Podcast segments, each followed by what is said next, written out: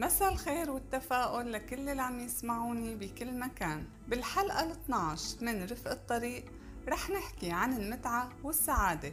شو اللي بيميز كل شعور منهم؟ يا ترى هن وجهين لعملة وحدة ولا بيختلفوا عن بعض؟ وإذا اختلفوا شو هي أهم نقاط الاختلاف؟ كلنا منحب امتلاك الأشياء ومنفرح فيها.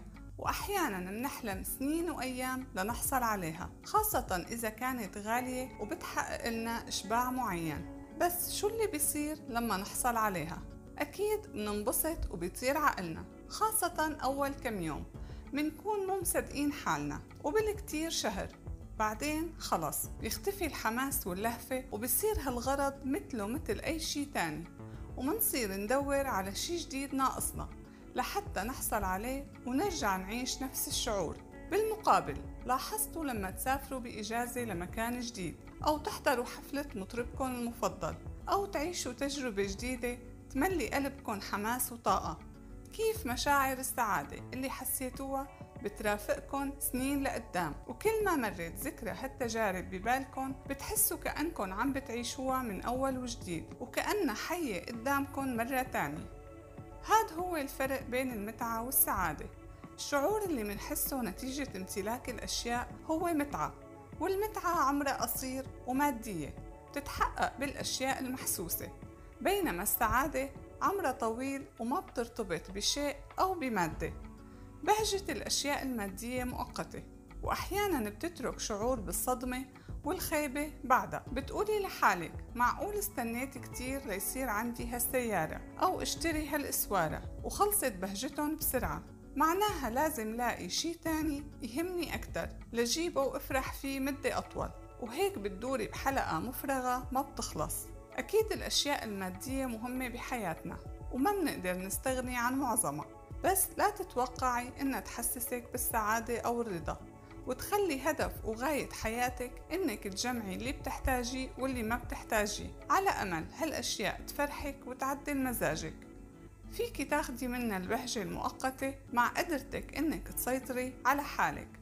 لأنه المتعة بتتحقق بالمادة والمبالغة فيها والسعي وراها بتأدي للإدمان سواء على أشياء أو تصرفات معينة. كتير ناس مثلا بيحبوا التسوق وبيرتاحوا للشعور اللي بيعطيهم هو ومع الوقت بيتحول التسوق عندهم لإدمان مثل التعاطي تماما وبصيروا يشتروا الضروري وغير الضروري ويتدينوا ويحملوا حالهم فوق طاقتهم. بالحقيقة هالإدمان بيشبه أي إدمان تاني هدفه يخدر إحساس الفراغ أو النقص أو الألم بحياة الشخص المدمن وللأسف الإعلام والمجتمع الاستهلاكي اللي عايشين فيه عزز الخلط بين مفهوم المتعة والسعادة وربط اقتناء الأشياء بالسعادة ليخلي الناس تشتري وتستهلك أكثر. ولأنه السعادة ما حسية ولا بتتحقق بالمادة ما في شيء اسمه إدمان على كتير من السعادة. بالعكس كترتها بتعزز صحة الدماغ والجسم وبتزيد مشاعر الرضا عن حالنا وعن حياتنا خاصة إنها بتتحقق لما منكون أكتر إيثار وعطاء لأنه الإحساس فيها بيكون بالغالب مع الجماعة. كل لحظات السعادة اللي بتخطر عبالي كانت دائما مع أهلي أو رفقاتي أو عيلتي. حتى الأفراح الشخصية ما منحس معها بالسعادة غير لما نحكي للناس اللي منحبهم عنا ليشاركونا فيها. الجمعات الحلوة الألعاب الجماعية السفر ومشاركة دهشة الاستكشاف التجارب والمهارات اللي بتغني حياتنا وبتعلمنا شي جديد عن حالنا وكل شي حوالينا. التعاون ومساعدة الناس. ترك بصمة وفائدة حلوة بحياتهم. لفتات اللطف والمودة. كل شي له علاقة بالعطاء والتواصل. بيمنحنا سعادة ما لها حدود يمكن لأنه بيحسسنا بإنسانيتنا. ومعنى وجودنا. طالما عنا شي نعطيه ونشارك فيه ونغير حياة الناس للأفضل مهما كان بسيط. قريت قصة حقيقية بكتاب اسمه هارت للكاتبة جيل جودوين عن وحدة طالعة الصبح مشوار بالسيارة ومعها قصيص زرع بدها تهديه لمعلمة بتعرفها. وهي على الطريق شافت مرة كبيرة بالعمر ماشية باتجاه النهر.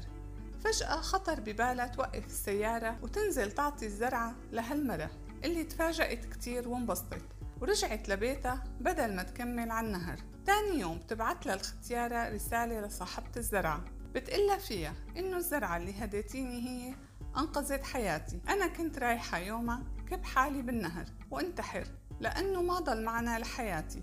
أو شي عيش كرماله. ولفتك الحلوة حسستني إنه لسه الدنيا بخير. وخلتني غير رأيي وأرجع على البيت. طبعا المرة اللي قدمت هالزرعة ولا يمكن كان يخطر ببالها إنه لفتة البسيطة ممكن تنقذ حياة إنسانة التقتها بالصدفة ما بتعرف عنها شي.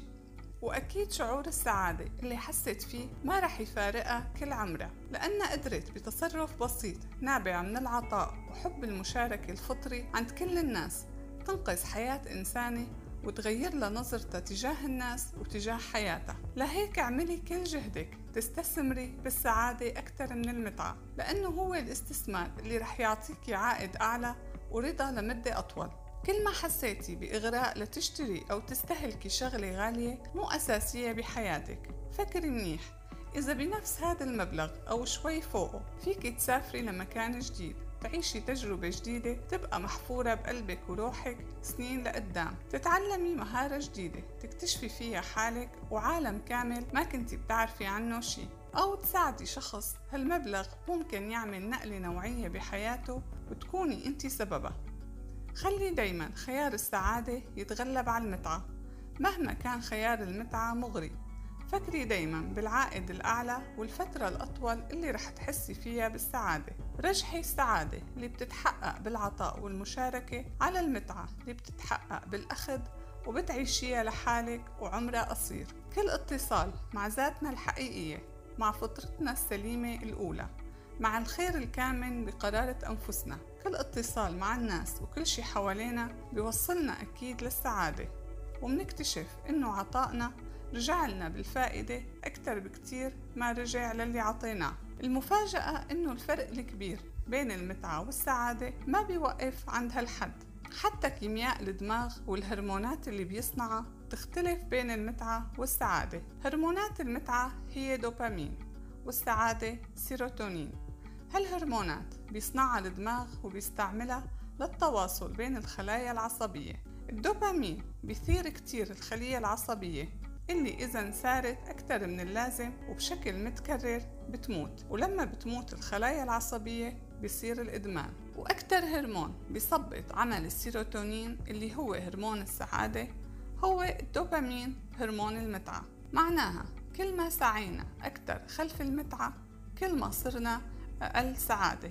وللأسف هذا الشي اللي عم نلمسه ونشوفه كتير بوقتنا الحالي اللي كل شي فيه سريع ومؤقت ومادي واللي الناس مصرة تربط سعادتها بوجود شيء أو شخص أو إنجاز أو حالة معينة عايشتها وبضلوا يتنقلوا من خيبة لخيبة كل ما فقدوا أي شي بترتبط سعادتهم بوجوده. أكيد المتعة بتعطينا شعور حلو. بشرط إنه نتحكم فيها وما ننجرف وراها والسعادة قرارنا واختيارنا اللي نابع من جواتنا وبيتجسد بتواصلنا وحبنا الغير مشروط لكل شي حوالينا. وما بترتبط أبدا بأي مادة شو ما كانت شيء أو إنسان. ومثل ما قال ديباك شوبرا كن سعيدا دون سبب مثل طفل.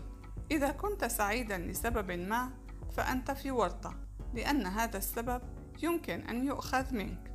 خلوا دايما مفاتيح سعادتكم بإيدكم. لا تتفادوا. أي خيبة. أعطوا من قلبكم لتلاقوا السعادة بأبسط الأشياء وبكل الأوقات. وبدل ما ترقدوا وراها رح تسبقكن لكل مكان بتكونوا فيه. بتمنى لكم أوقات كلها سعادة وفرح نرجع نلتقي بالحلقة الجاي.